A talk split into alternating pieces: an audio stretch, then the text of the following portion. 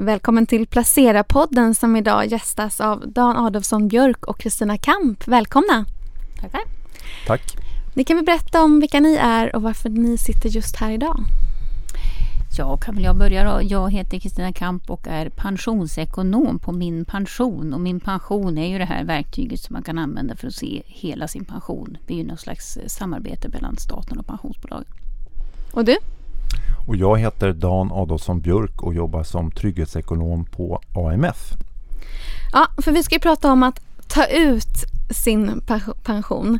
Och eh, de som läser Placera har ju sett att du har haft en artikelserie om just det här. Eh, vi ska också gå igenom några av de läsarfrågor som jag har fått. För man märker att det här är ett ämne som många har mycket frågor inför. Är det svårt och krångligt? Och hur lång tid innan ska man egentligen börja fundera på hur och när man ska ta ut sin pension? Mm, hela livet brukar jag säga. Nej, nej, men jag tycker så här att det är, är, ju ett stort beslut ändå. Det är ju nästan likadant som när man träder in i arbetslivet. Då tar man ganska många år på sig att fundera. Vad ska jag bli när jag blir stor och hur ska jag göra och så. Och det här är ju en väg ut ur arbetslivet och låt det också ta sin tid. Alltså år skulle jag vilja säga. Du måste liksom, du måste någonstans när du är kanske 55 sådär, börja ändå fundera på, jaha men hur ska, hur ska jag avsluta mitt arbetsliv? Jag tror att det ger en, en respit så att du känner dig väldigt tillfreds när du väl fattar dina beslut. Ja, det är en stor eh, omställning ehm, eh, och inte bara ekonomiskt som många tror utan en stor del av ens identitet ligger ju i arbetslivet. Och det finns ju egentligen eh, två olika sätt att gå i pension. Det ena är att få ut pengarna, vilket jag hoppas och tror att de allra flesta går i land med. Mm. Det andra är att få ut eh, pensionen på det sätt som man önskar. Och det är ofta svårare. Och det senare alternativet, jag hoppas att det är det vi kommer komma in på här. Jag med. Finns det mm. några vanliga missuppfattningar tycker ni generellt kring det här? Jag skulle säga att missuppfattningen är att det är tråkigt och krångligt och svårt. För jag tycker faktiskt att numera finns det så pass många verktyg. Det finns så mycket hjälp du kan få. Det gäller bara att förstå vilken hjälp just jag behöver. På min pension där du jobbar har till exempel uttagsplaneraren. Ja, det är en ganska ny eh, tjänst som är fortfarande under utveckling men som verkligen fokuserar på att hjälpa människor att ta ut pension så att man blir nöjd med det man gör. Annars är det det här vanliga prognosverktyget som man ska titta på eller hur ska man, hur ska man göra? Hur ja, börjar man? Man kan ju börja med, alltså vi brukar ju tycka att man ska titta på sin pension hela livet naturligtvis och vi har ju, vi har ju verkligen en stor spännvidd av användare från alltså 20 plus och uppåt. Eh, som går in och kollar kanske vad jag har tjänat ihop. Har jag någon tjänstepension här och där? Och, och då är ju verktyget, det normala verktyget bra där man ser vad jag har tjänat ihop hittills och så får man en slags prognos framåt. Då. Uttagsplaneraren, då är det mer hardcore och den vänder sig egentligen till de som är nära pension. Man kommer alltså inte in till uttagsplaneraren om man är för ung. Utan man ska ha ett år kvar till man kan plocka ut någon av sina pensioner. Eh, och då är det mycket mer i detalj. Så här mycket får du om du gör si, så här mycket får du om så. Så här blir det före skatt, så här blir det efter skatt. Du får en checklista och du får också hjälp att direkt gå vidare till de bolag där din pension finns. Så det är mycket mer att hålla handen. Är det stora skillnader hur man ska liksom ta sig an det här jämfört med om man har eh, en låg pension eller en hög pension? Ja, det skulle jag säga. Eh, har man en låg pension framförallt om man omfattas av garantipension, bostadstillägg eller i vissa fall också äldreförsörjningsstöd så finns det faktiskt inte alltid drivkrafter att jobba efter 65. Eh, för att det är inte förmåner som räknas upp. Men för de allra flesta av oss som har en inkomstbaserad pension så finns det en drivkraft att gå i pension senare. Eh, och jag tror att många har realistiska förväntningar när det gäller just att gå i pension i så mån att man vill ju naturligtvis, eller vill ofta i alla fall, gå lite tidigare. Men man förstår ändå att verkligheten kanske ser ut så att det är en skillnad mellan vad jag önskar och vad som är realiteten och det kanske diffar på en två eller tre år. Jag kanske behöver sträcka mig lite längre i mitt arbetsliv för att jag ska få den pension som, som jag önskar. Och staten vill ju att vi ska ta ut pensionen senare. Eh, samtidigt så kan man ta ut tjänstepension från 55. Eh, Eh, det är väldigt stor skillnad på att vara 55, 65, 75, 85. Hur flexibelt är systemet och hur, liksom, hur samspelar till exempel tjänstepensionen med den allmänna pensionen skulle ni säga? Alltså jag tycker det är bra att det är flexibelt och att det inte samspelar hela vägen. Eh, dels tycker jag det är bra då att det är arbetsmarknadens parter som sitter och bestämmer över en del och då kan det ju vara så att vissa tjänstepensioner är extremt anpassade till liksom just det kollektivet. Och det är väl bra, så att det inte liksom bara one size fits all. Eh, och kanske också att systemen ska gå lite i otakt. Om du tänker dig då att du har till exempel haft många olika arbetsgivare. Du har massor med små pensioner som kanske ger någon hundralapp i månaden eller något. Och som egentligen bara nästan ju längre du väntar på med att ta ut dem desto mer brinner pengarna inne för du har avgifter och sånt som tas ut varje år. Då är det väl jättebra att du har en flexibilitet där. Ta ut dem tidigt, ta ut dem på kort tid, använd pengarna till något skoj och vänta med de andra pensionerna till sen. Jag tycker flexibilitet är bra pensionssystemet har ju två huvudmän, staten och eh, arbetsmarknadens parter. Eh, och det är klart att det, det, är naturligt då att det finns um, olika logik i hur de fungerar. När det gäller just den statliga delen så finns det ett grundskydd för de som av olika anledningar inte haft så bra yrkesliv medan inkomstskyddet kanske framförallt finns inom tjänstepensionen. Och där är det väl naturligt att det finns större inslag av eh, valfrihet. Dels hur man tjänar in pensionen men också kanske också hur den då betalas ut. Men om vi kommer till missuppfattning så kan man väl faktiskt säga det att en missuppfattning kanske kan vara då att man tror att den allmänna pensionen ska liksom fungera ungefär som tjänstepensionen och täcka upp för stora, alltså följa lönen mycket mer än vad den gör och sådana saker. Det pratas det kanske lite för lite om. Och när vi börjar, om man då står inför att gå i pension. Och om vi börjar prata om den allmänna pensionen. Den är ändå eh, väldigt mycket mer flexibel på det sättet att man faktiskt kan välja till, till stor del eh, i portioner om fjärdedelar då. Man kan ta ut den och man kan också stoppa den och så. Eh, vad är det mer man ska tänka på när man väl börjar ta ut den allmänna pensionen? Att ansöka om den. För den måste man ansöka ja. om, den kommer inte automatiskt. Nej, det är Nej. faktiskt Eh, alltså om man nu inte bryr sig om pensioner överhuvudtaget och inte tänker göra någonting så finns det bara en enda sak du faktiskt måste göra. Tjänstepensionerna kommer att komma och bidragen och stöden kommer att komma. Ja, man kanske måste ansöka om bostadstillägg då. Men du måste ansöka om din allmänna pension annars så kommer inga pengar. Och i den vevan då, då ska man ta en, några beslut också bland annat angående PPM-pengarna. Ja, det ska man göra och det kommer ju hem, nu kan vi in, komma in på blanketter för det här måste man ju fylla i en blankett. Man kan visserligen göra den på nätet och det är ganska bra för då kommer det upp omedelbart upp, du har gjort fel. så slipper man skicka papper fram och tillbaka. Eh, ja, dels så ska man ju bestämma hur stor del av pensionen jag ska ta ut. Hela eller delar. Du kan också välja, ska jag bara ta ut inkomstpensionen eller ska jag ta ut bara premiepensionen? Det är ju ändå vanligt att man kanske börjar med att ta ut en fjärdedel av de här PPM-pengarna för att man får såna här rabatter på, alltså du blir ju räknas ju som pensionär och får pensionärsrabatter. Men då är det ett, ett, ett, val till man måste göra och det är ju alltså ett, det finns efterlevandeskydd i premiepensionen men det, det träder bara i kraft när du har blivit pensionär, alltså börjar ta ut pengarna. Och det, den enda gången du verkligen bestämmer, ska jag ha det här eller inte? Det är första gången du tar ut din premiepension. Och det är enda gången som den allmänna pensionen överhuvudtaget omfattas av någon form av efterlevandeskydd också? Svar ja, så att egentligen kan man väl säga nu när det inte handlar om så mycket pengar så kanske inte är något man måste verkligen tänka att det här ska jag nog göra för att eh, det är också så precis som alla, alla andra efterlevande skydd att det finns ju en prislapp på det. det. Det minskar din egen pension. Och prislappen är också beroende på åldern på partnern skulle man kunna argumentera för. Så har man en, en väldigt mycket yngre partner så kan det där efterlevande skyddet bli dyrt. Mm. Det kanske inte blir så mycket kvar av premiepensionen då. Nej. Ja, så det är, eh, ska man säga att det är undantagsfall som man efterlevande skydd är ett man ska alltid titta till behovet. Mm. Hur ser min familjesituation ut? Om man eh, stryker ett streck över mig, vad är det för belopp som går till mina nära och kära i form av partner och i form av barn? Eh, men det generella tipset är att titta till behovet. Mm. Har man en partner eller inte? Det är väl det mest grundläggande och, och vad är det som går ut i övrigt? Eh, många behöver nog inte det här skyddet. Sen får man också kolla till vem man är tillsammans med. Eh, den, har den en högre inkomst än mig eller inte? Eh, jag tror att det är många som har lite lägre inkomster som har det här skyddet när det i själva verket borde vara tvärtom. Det mm. kanske skulle vara den så att säga, rika i familjen som har skyddet medan den med lägre inkomst kanske bör välja bort. Och här är väl det enda egentligen handfasta rådet det är hör av dig och fråga för det finns inga generella sanningar här. Nej. Och om vi då går över till eh, tjänstepension. Där tycker jag att det är väldigt intressant att få höra att de här utbetalningstiderna blir kortare och tenderar att bli kortare som jag förstår för varje år som går på senare tid. Eh, vilket ju går då stick i stäv mot att vi både blir äldre och piggare långt upp i åldrarna. Eh, hur resonerar era pensionärer om man säger så?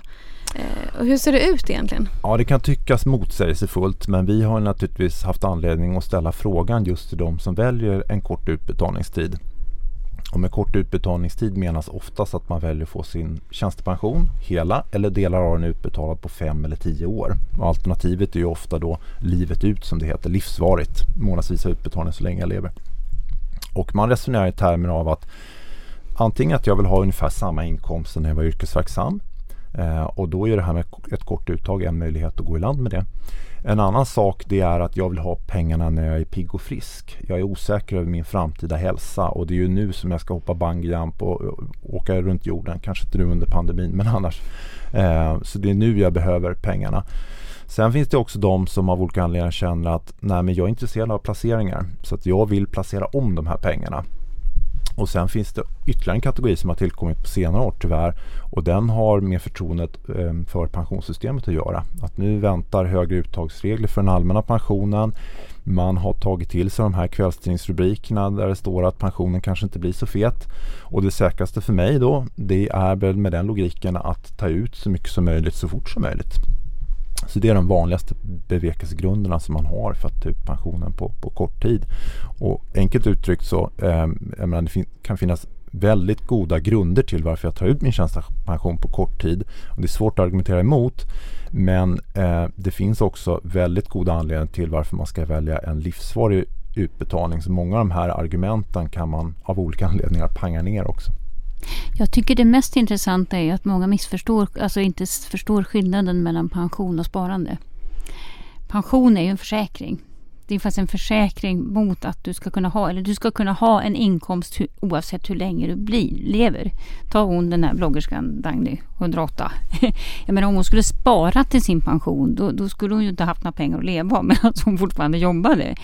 Eh, och har man ett sparkapital så måste man veta att de pengarna tar slut. Det finns liksom ett slutdatum på det. Men pensionen finns det inget slutdatum på. Så att planerar att leva länge, vilket ju är naturligtvis knäckfrågan här, eh, då finns det ju verkligen en anledning att fundera över den här livsvariga utbetalningen, för då är det ju andra som betalar för dig.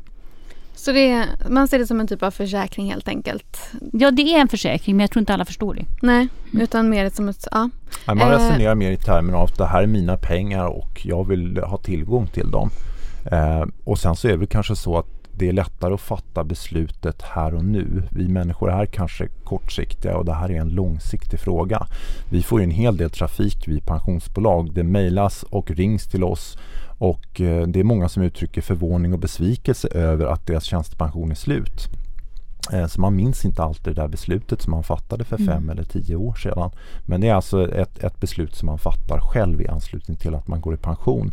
Och anledningen till varför det här finns det är naturligtvis att man ska gå, kunna gå i pension på det sätt man önskar och ta ut delar av sin pension på fem eller tio år. Det är ju helt odramatiskt. Det är inget konstigt i synnerhet när vi ser att man gradvis lämnar arbetslivet. Men att ta ut hela sin tjänstepension med allt vad det innebär på några få år. Det är inte så tjänstepensionen är tänkt att, att eh, användas.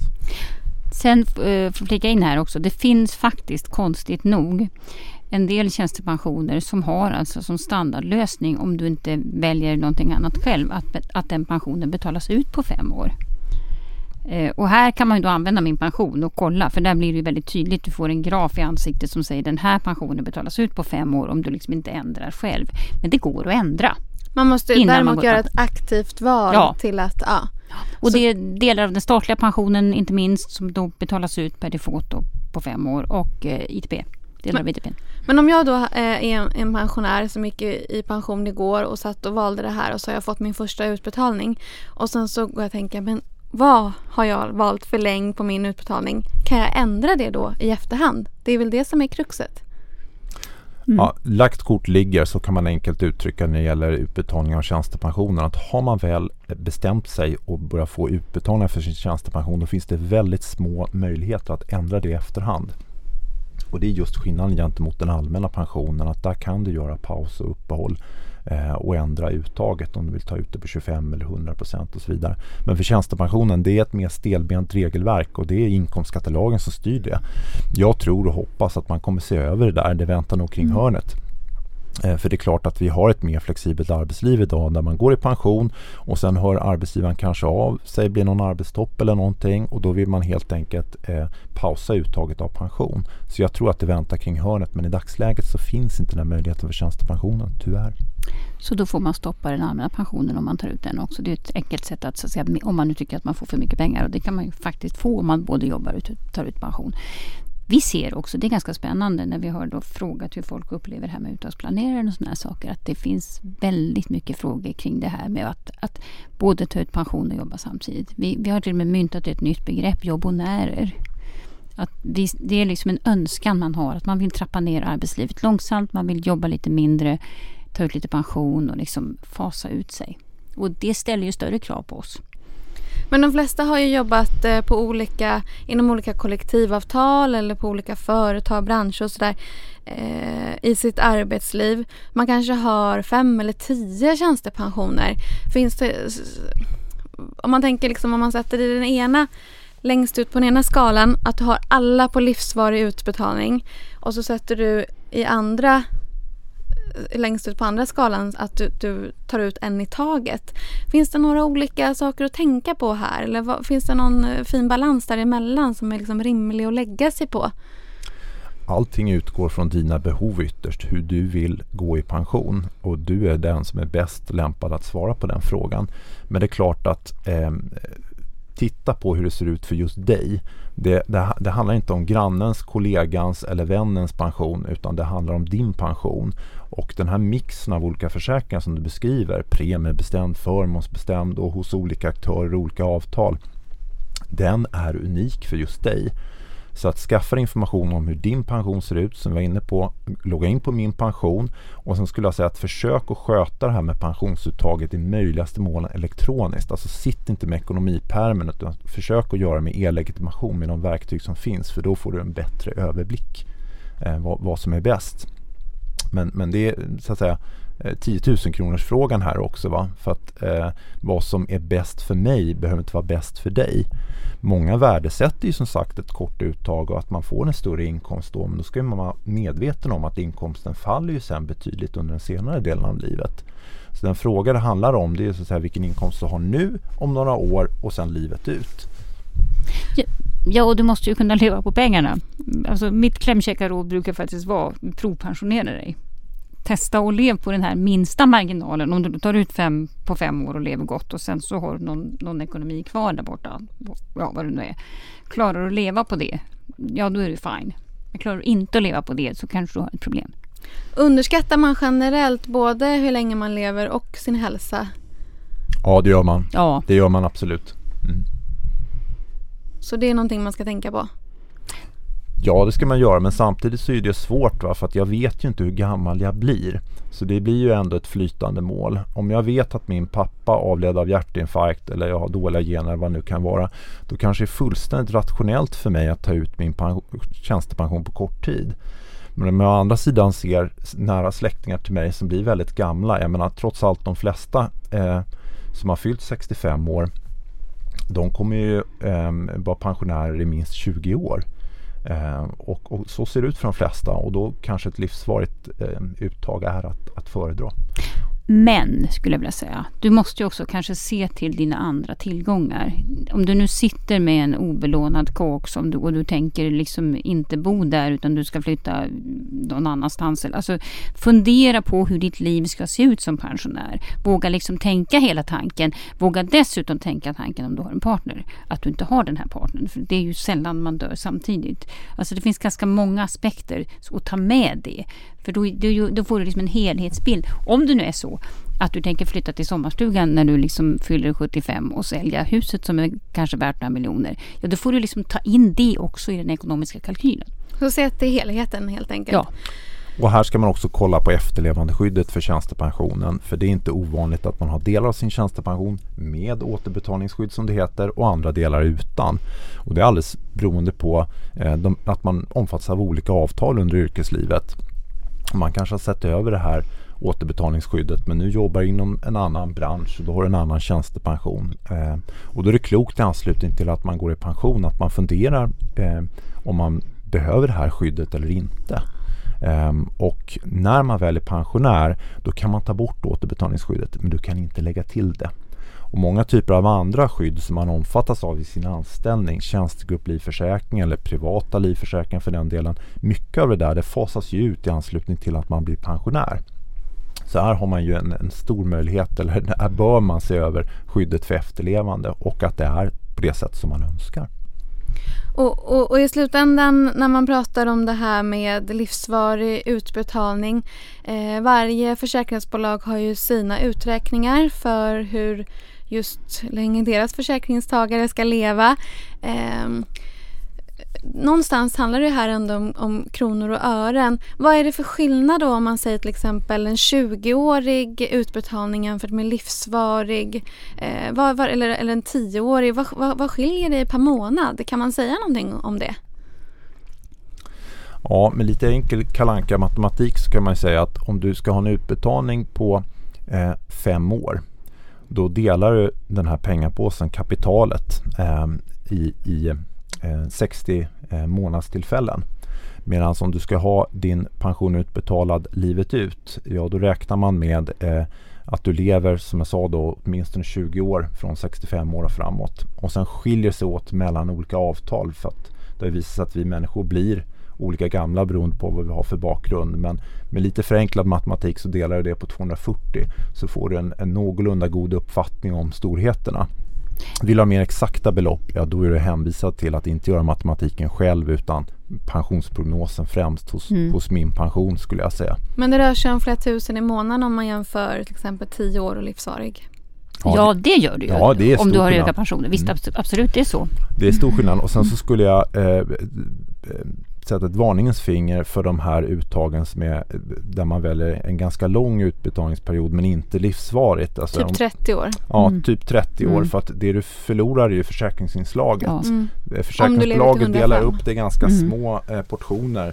Medan om jag väljer livsvarigt, ja då räknar försäkringsbolagen med 20 plus vad det nu är. Men blir jag eh, äldre än så, ja då fortsätter det betalas mm. ut pengar. Så, då, så jag, jag, vinner ju liksom ingenting på att bli av med det här försäkringsinslaget utan då är det bättre att välja livsvarigt om det finns. Och jag vet att du brukar tala om att, eh, att man kostar olika mycket som pensionär. Du kanske mm. kostar mycket i början mm. och så är det lite mitt emellan.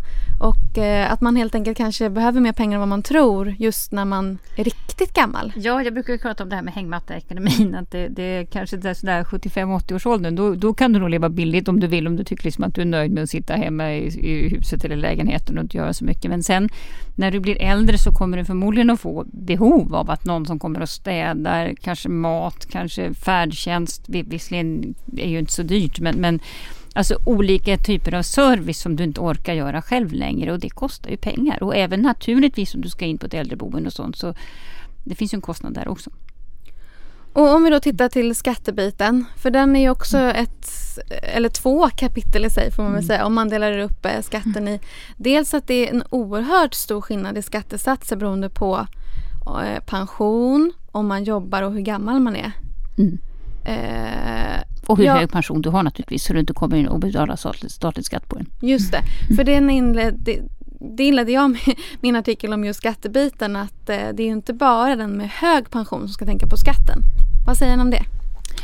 Jag skulle säga verkligen tvärtom. För att jag, jag, jag har ju förvånats över faktiskt hur stora skatteskillnader det är. Den magiska gränsen går alltså från det år man fyller 66. Alltså i år är det de som är 54 och födda 54 och tidigare som alltså har en, en skatterabatt. En ganska stor skatterabatt i förhållande till den som väljer att ta ut pension tidigare. Då, då. Eh, och eftersom det är grundavdraget det handlar om, alltså det man tar pengar underifrån, så blir det ju en stor effekt även om du har en låg pension. Alltså det handlar om tusen lappar i månaden. Och det är ju för den som har 15-16 000 i pension är ju det fruktansvärt mycket pengar. Så det här, ta en vända via Skatteverkets hemsida innan du går i pension, det är mitt råd. Men det förutsätter att man har möjlighet att jobba mer?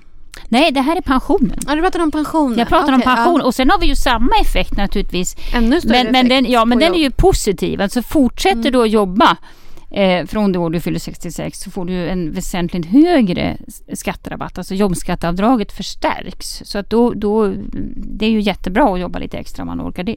Så vill man ha, om man vill säga att man vill maximera eh, uttaget i kronor och ören. Då är det ju alltså att skjuta på det mm. till den här magiska 66-årsgränsen. Givet att du inte hamnar för högt för den statliga inkomstskatten. Ja, precis så. Och framförallt gynnar det låg och medelinkomsttagare både på arbetsinkomster och på pension. Mm. För där är skatten som lägst. Mm. Och egentligen så har väl staten tänkt så här att eh, det finns gränser för hur länge vi människor orkar jobba. Men inte helt binärt eh, att man, man jobbar och sen bara över natten går i pension. Utan vi har stora grupper här som får eh, ekonomiska incitament att jobba lite grann mm. eh, och få behålla en stor del av kakan. Det är nog så man har tänkt. Många startar eget företag när de blir pensionärer. Det är populärt mm. av olika anledningar. Mm. För att skjuta upp inkomst då eller? Nej, nej, man startar när man blir pensionär. Jag tror helt enkelt för att man tycker att det är roligt att jobba lite grann och man kan jobba med det man vill och det är inte livsviktigt att tjäna jättemycket pengar. Men de pengar man tjänar betalar man väldigt lite skatt på.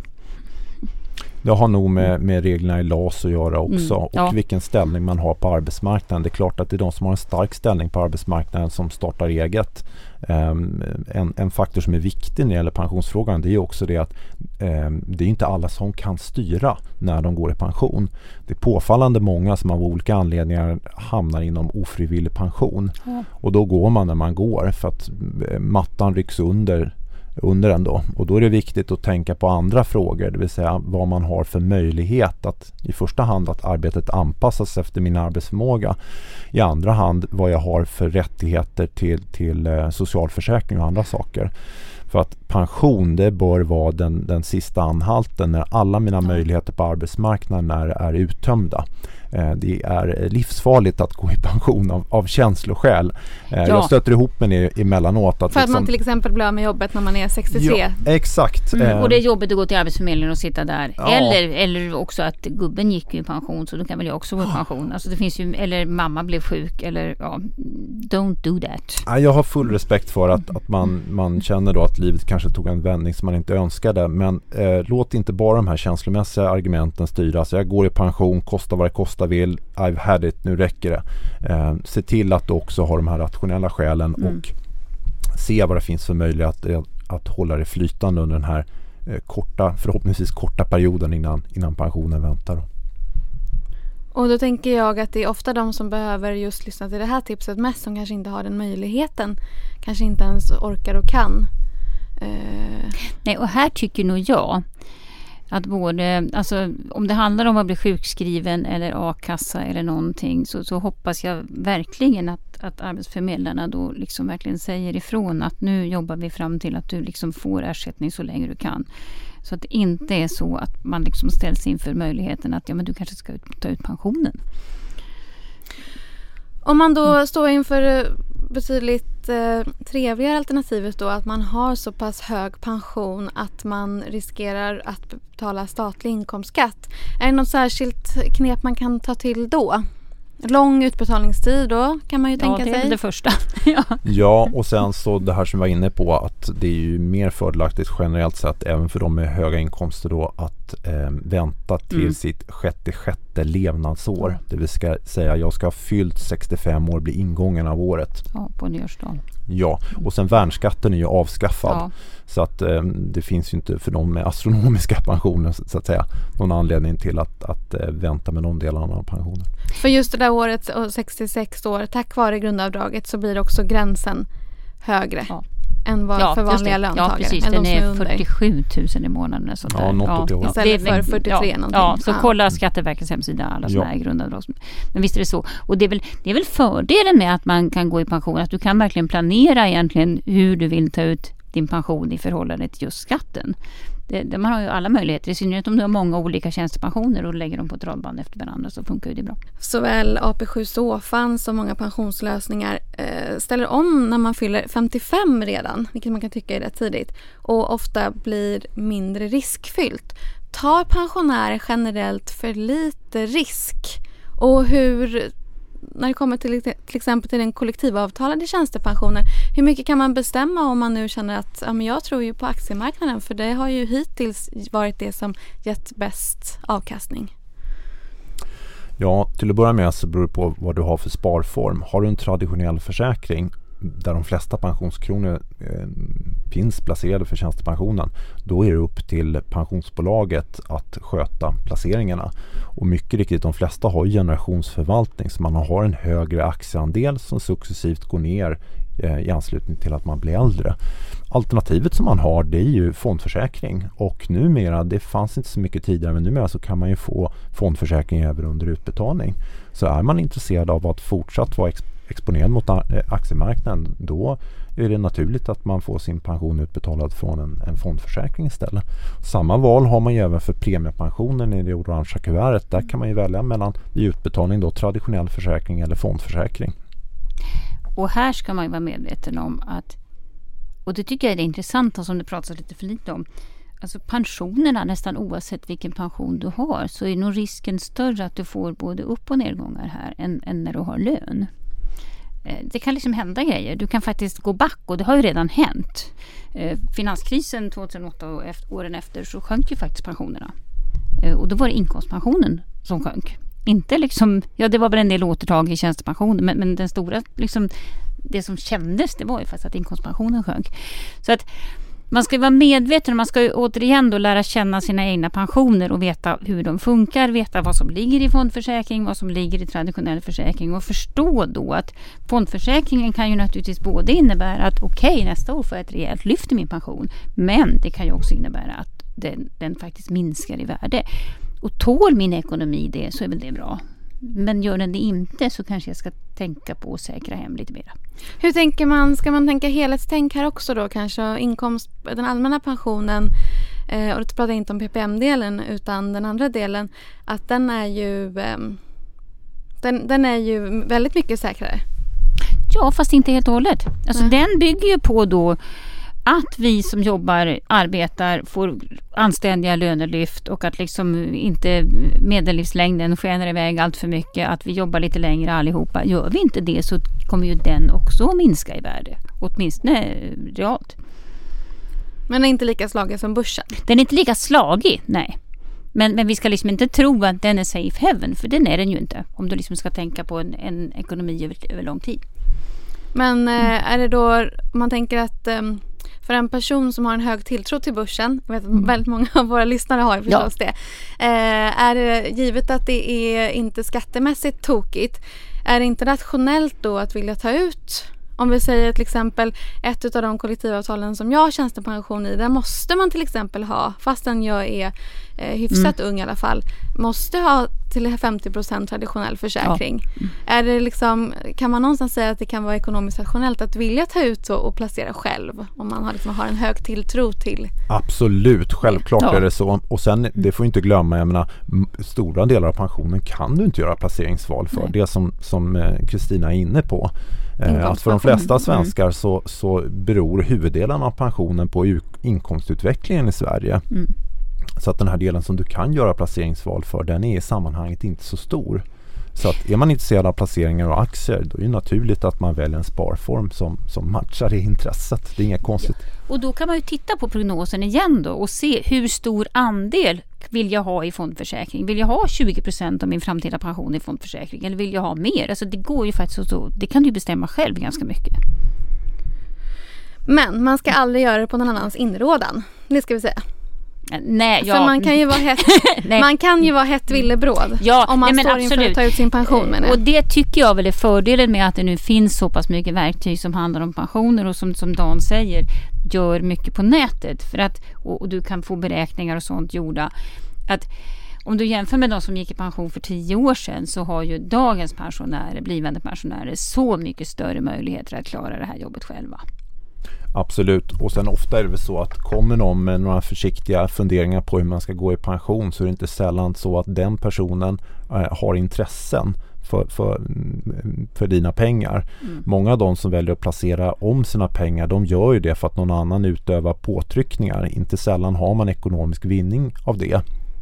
Och eh, det, det förekommer ju tyvärr då att man placerar dem i produkter med ganska höga avgifter. Och då kanske det är bättre att pengarna är kvar där de var från början för att det krävs en hög avkastning för att kompensera för de här avgifterna. Det finns ju, eh, eh, har, ju, har ju funnits märkliga låneupplägg och sånt för pensionärer och sådär också eh, som, som man erbjuds och sådär. Så att, som alltid så gäller det att, att ha huvudet kallt och eh, ta, ta gärna goda råd men kolla vem det är som är avsändare. Om denna till att börja med behärskar pensionsfrågan och andra om de har någon ekonomisk vinning av att du väljer på, på ett speciellt sätt. Och 9 av 10 är ju, eh, eh, får ju tjänstepension genom, inom kollektiv mm. Mm. och då betyder det att det är låga avgifter i alla fall. Då vet man att man har inte en jättedålig lösning. Frågan är då om man kanske tar lite för lite risk. Jag tänkte vi skulle gå igenom några av de läsarfrågorna som jag eh, har fått då efter att vi har eh, publicerat de här artiklarna. Och då är det till exempel en som heter Boris som undrar vad som gäller med PPM-pengar när man går i pension. Eh, han själv är då 55 år gammal. Så jag, jag, tror, vad jag tror att han undrar efter det är ju hur, hur mycket han får i månaden. Ja, hur det beräknas. Ja, nej men eh, så här är det ju att eh, här är det ju bara livsvarig utbetalning som gäller. Allt, hela den allmänna pensionen den går inte att ta ut på kort tid utan det är bara livsvarig utbetalning som gäller. Och då är det frågan, jaha vad är livsvarig utbetalning för Boris då? Ja, det finns ju faktiskt en hel yrkesgrupp, aktuarierna på försäkringsbolagen som vet exakt hur länge vi ska leva. Men är det olika då per kön? Jag tänker att... Nej. Som, nej. Det är det inte för det, det, har man väl bestämt i någon lagstiftning när det gäller jämställdhet och annat. Jag tror till och med att det är EU som har bestämt detta, att det ska vara lika för båda könen. Vilket kvinnor egentligen då kan man säga tjänar på. Relativ vinnare på. Ja. ja. Eh, utan man fastställer ett delningstal som det heter. Eh, och låt säga då att Boris har en miljon på sitt konto. Eh, och så bestämmer man att eh, delningstalet, det vill säga den förväntade livslängden för just hans årgång då, är 20 år. Då delar man ju den där miljonen med 20 år och sen med varje månad så Boris får väl ut lite drygt eh, 4 000 spänn i månaden då i pension. Och sen räknas det naturligtvis upp. Då ska man komma ihåg att som vi sa tidigare då, har han kvar sina pengar i en fondförsäkring så, och det här går upp och ner, då räknas det här beloppet om en gång om året. Så att om börsen Beroende går ner, på hur fonderna går. Ja, går mm. börs och hans fond, just hans fonder ner då med 20 procent. Ja, då kommer ju hans pension att sjunka nästa år. För då gör man så att säga, vad har du för kapital då? Och du har 19 år kvar då att leva och så delar man det kapitalet med 19 och så fortsätter det. Och det är ju samma sak även för tjänstepensionerna. Ja, alltså det är snarlikt men för tjänstepensionen, de flesta får en, en, har en, ett garanterat pensionsbelopp i utbetalningen. Eh, så man har en traditionell försäkring och där har man en, en mindre slagighet. Mm. Eh, där påminner det mer om när man var löntagare, det vill säga du har en månadsinkomst som du kan räkna med. Blir stora börsfall så påverkas överskottet som man får, så delar av inkomsten kan, där har du en slagighet.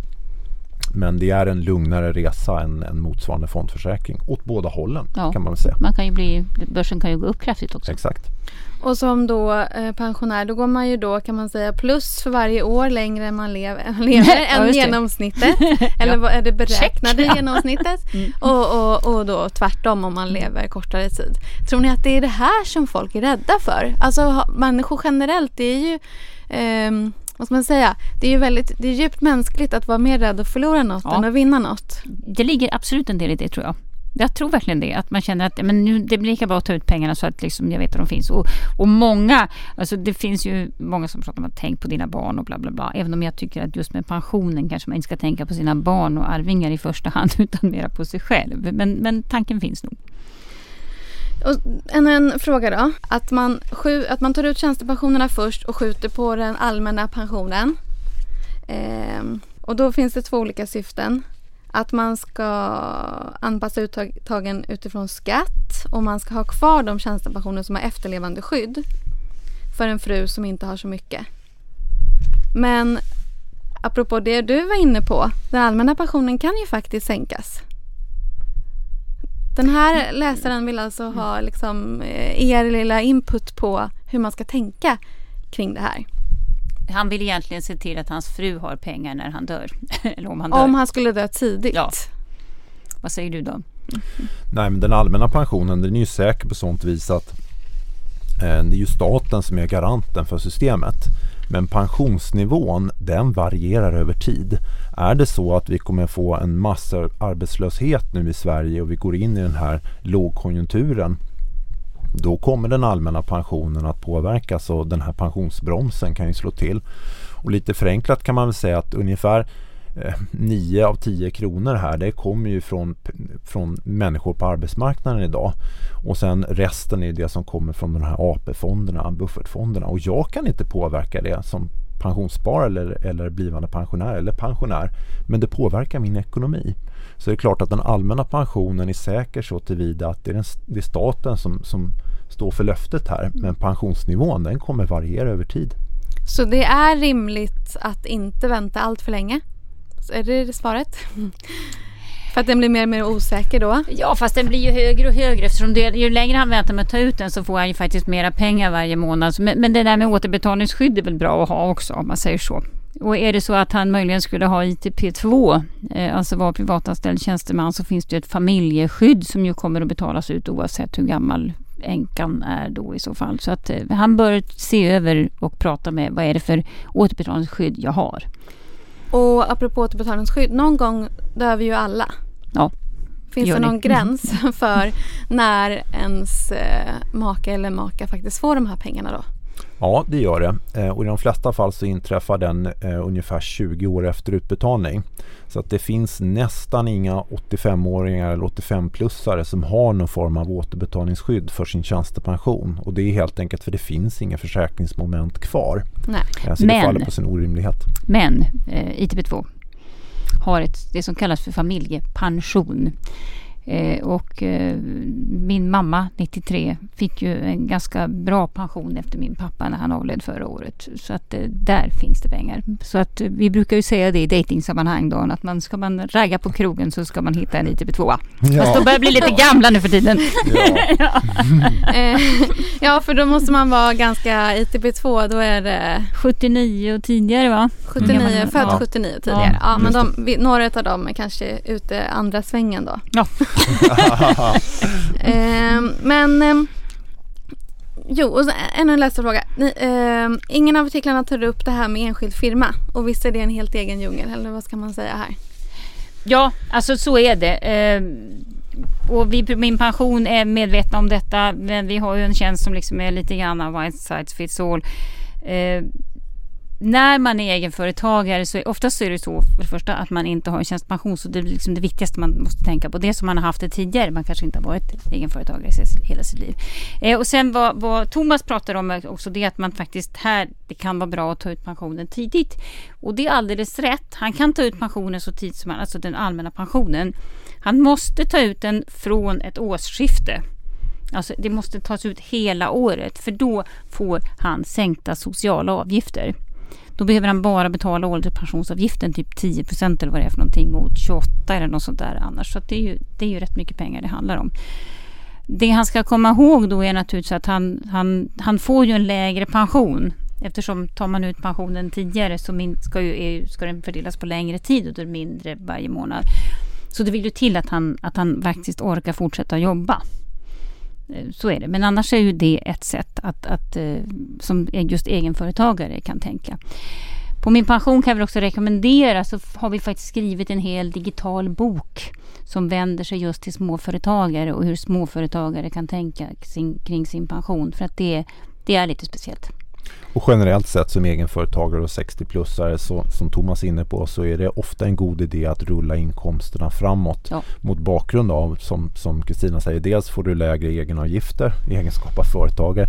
Men sen får du också då när du är inne på ditt sjätte sjätte levnadsår eh, så får du lägre skatt i egenskap av ja, om du arbetar eller om du tar ut pension helt enkelt. Det vore bra om löntagare hade på det sättet också tycker ja, jag. Eller hur? ja, så, så, så, det kan till och med vara värt att ta ut eh, pension tidigare. Ja, för att skatteeffekten bara... blir så eh, stark om man är just egenföretagare. Ja, faktiskt så är det så. Eh, en Torsten som påpekar att man ska se upp med att ta ut allmänna pensionen lägre än 100% efter 70 års ålder eftersom att den då fryser inne. Vad menar han med det Kristina? Ja, det där visste jag faktiskt inte. Det, det, tycker jag faktiskt är intressant och det, det undrar jag om ens Pensionsmyndigheten är medvetna om att det är sådana effekter. För att om vi nu pratar om att vi ska jobba längre och vänta med att ta ut pensionen så borde ju, det borde ju inte vara på det här sättet. Så vi får vända oss till Pensionsmyndigheten och fråga om det verkligen är så här. Och det gäller dock inte premiepensionen? Nej. Man kan väl säga så här också att det finns ju en bortre gräns för hur länge man kan skjuta upp pensionsuttag mm. och sådana saker av olika anledningar. Bland annat på det statliga området på tjänstepensioner så finns det delar som du inte kan vänta med eh, efter 70 år till exempel. Men det där har man ju börjat rucka på nu. Det är därför, jag säger, det är därför man mm. borde nog se över det där. Det kan ja. vara så att det är något som ligger kvar och som borde ändras på. Och sen har vi en Ulf. Det är bara eh, herrar som har hört av sig och ställt frågor eh, hittills. Eh, det är de som har högst pensioner. Ja, det är de som, ja precis, jo, men eh, om man har låg pension så har, finns det också mycket att ta ställning till har vi lärt oss efter den här podden. Med. Han poängterar att diverse prognosverktyg och sådär inte funkar särskilt bra om man redan har börjat ta ut pension. Nej, det Gäller där, det liksom ja. minsta lilla tjänstepension som man börjar ta ut men när man fortfarande arbetar och hur ska man göra då? Det ser olika ut. Eh, vissa pensionsbolag har inga problem att visa uppgifterna under utbetalning men andra har de problemen. Eh, och det gör ju att man hamnar i det läge som jag tror att Ulf tyvärr hamnar i att man sitter med någon slags Excel-ark och man verkligen är intresserad av hur inkomsterna ser ut och, och varierar över tid. Och papper och penna i värsta fall då, om man inte är så ja, hemma i Excel? Papper, penna, ekonomi, perm. Ja, tyvärr. Och det där är ett viktigt eh, förbättringsområde. För att som vi var inne på tidigare, det är väldigt många människor som har en flytande gräns mellan arbete och pension. Jag tror det är Pensionsmyndigheten som har kommit fram till att det är ungefär en halv miljon människor mellan 61 till 67 som har någon form av arbetsinkomst och tar ut någon del av sin pension samtidigt. Och de här vill ju naturligtvis överblicka sin samlade inkomst och idag finns det inga riktigt bra sätt att göra det på. Nej, vi ser ju det eh, och vi får näst, alltså det står väldigt högt upp på vår önskelista. Sen är det ju många bolag som ska leverera och sådana här saker så att det, det kommer väl att ta sin tid. Men vi, vi, vi ser verkligen att det här är en, en, en, en önskan som många har. Och det, det, är väldigt frustrerande när man har vant sig vid det här att min pension fungerar så bra. Och man får liksom ha vant sig vid att titta här på sin pension. Sen plötsligt bara hoppsan, vad händer nu? Borta! Så det är inget bra. Om vi då ska summera. Börja i tid. Ta tänka, god tid på dig. Ja. ja mm. Underskatta inte hur länge man lever. Eller hur hur mycket pengar som faktiskt går åt medan man gör det. Tänk på efterlevandeskyddet och försök i möjligaste mån att sköta det här med pensionen elektroniskt. Du får en betydligt bättre överblick. Och när det kommer till skatten, skjut på så mycket inkomster som möjligt då till efter 66 om man vill ha maximal pension. Mm. Men man ska akta sig för marginalskatt ja, ta inte ut för mycket poäng på en gång för att du, då riskerar du verkligen, speciellt om du jobbar samtidigt, så riskerar du att få väldigt hög marginalskatt. Eller mycket. Och just, just det året man går i pension mm. är extra. Ja. extra. Jag skulle rekommendera däremot att, att det är väldigt, att optimera sin skatt är ju verkligen att både jobba och ta ut lite pension. För att då får du ju jobbskatteavdragen och inte så hög pension. Då brukar skatten bli faktiskt låg. Och sen kan man säga generellt sett också att se till att både hjärta och hjärna är inkopplade i den här frågan. Precis, För att det är de som mår allra bäst mm. som pensionärer visade våra undersökningar i alla fall. Det är de som känner att jag har gått i pension på det sätt jag önskar och jag har skaffat mig en god bild av hur min framtida inkomst kommer att se ut.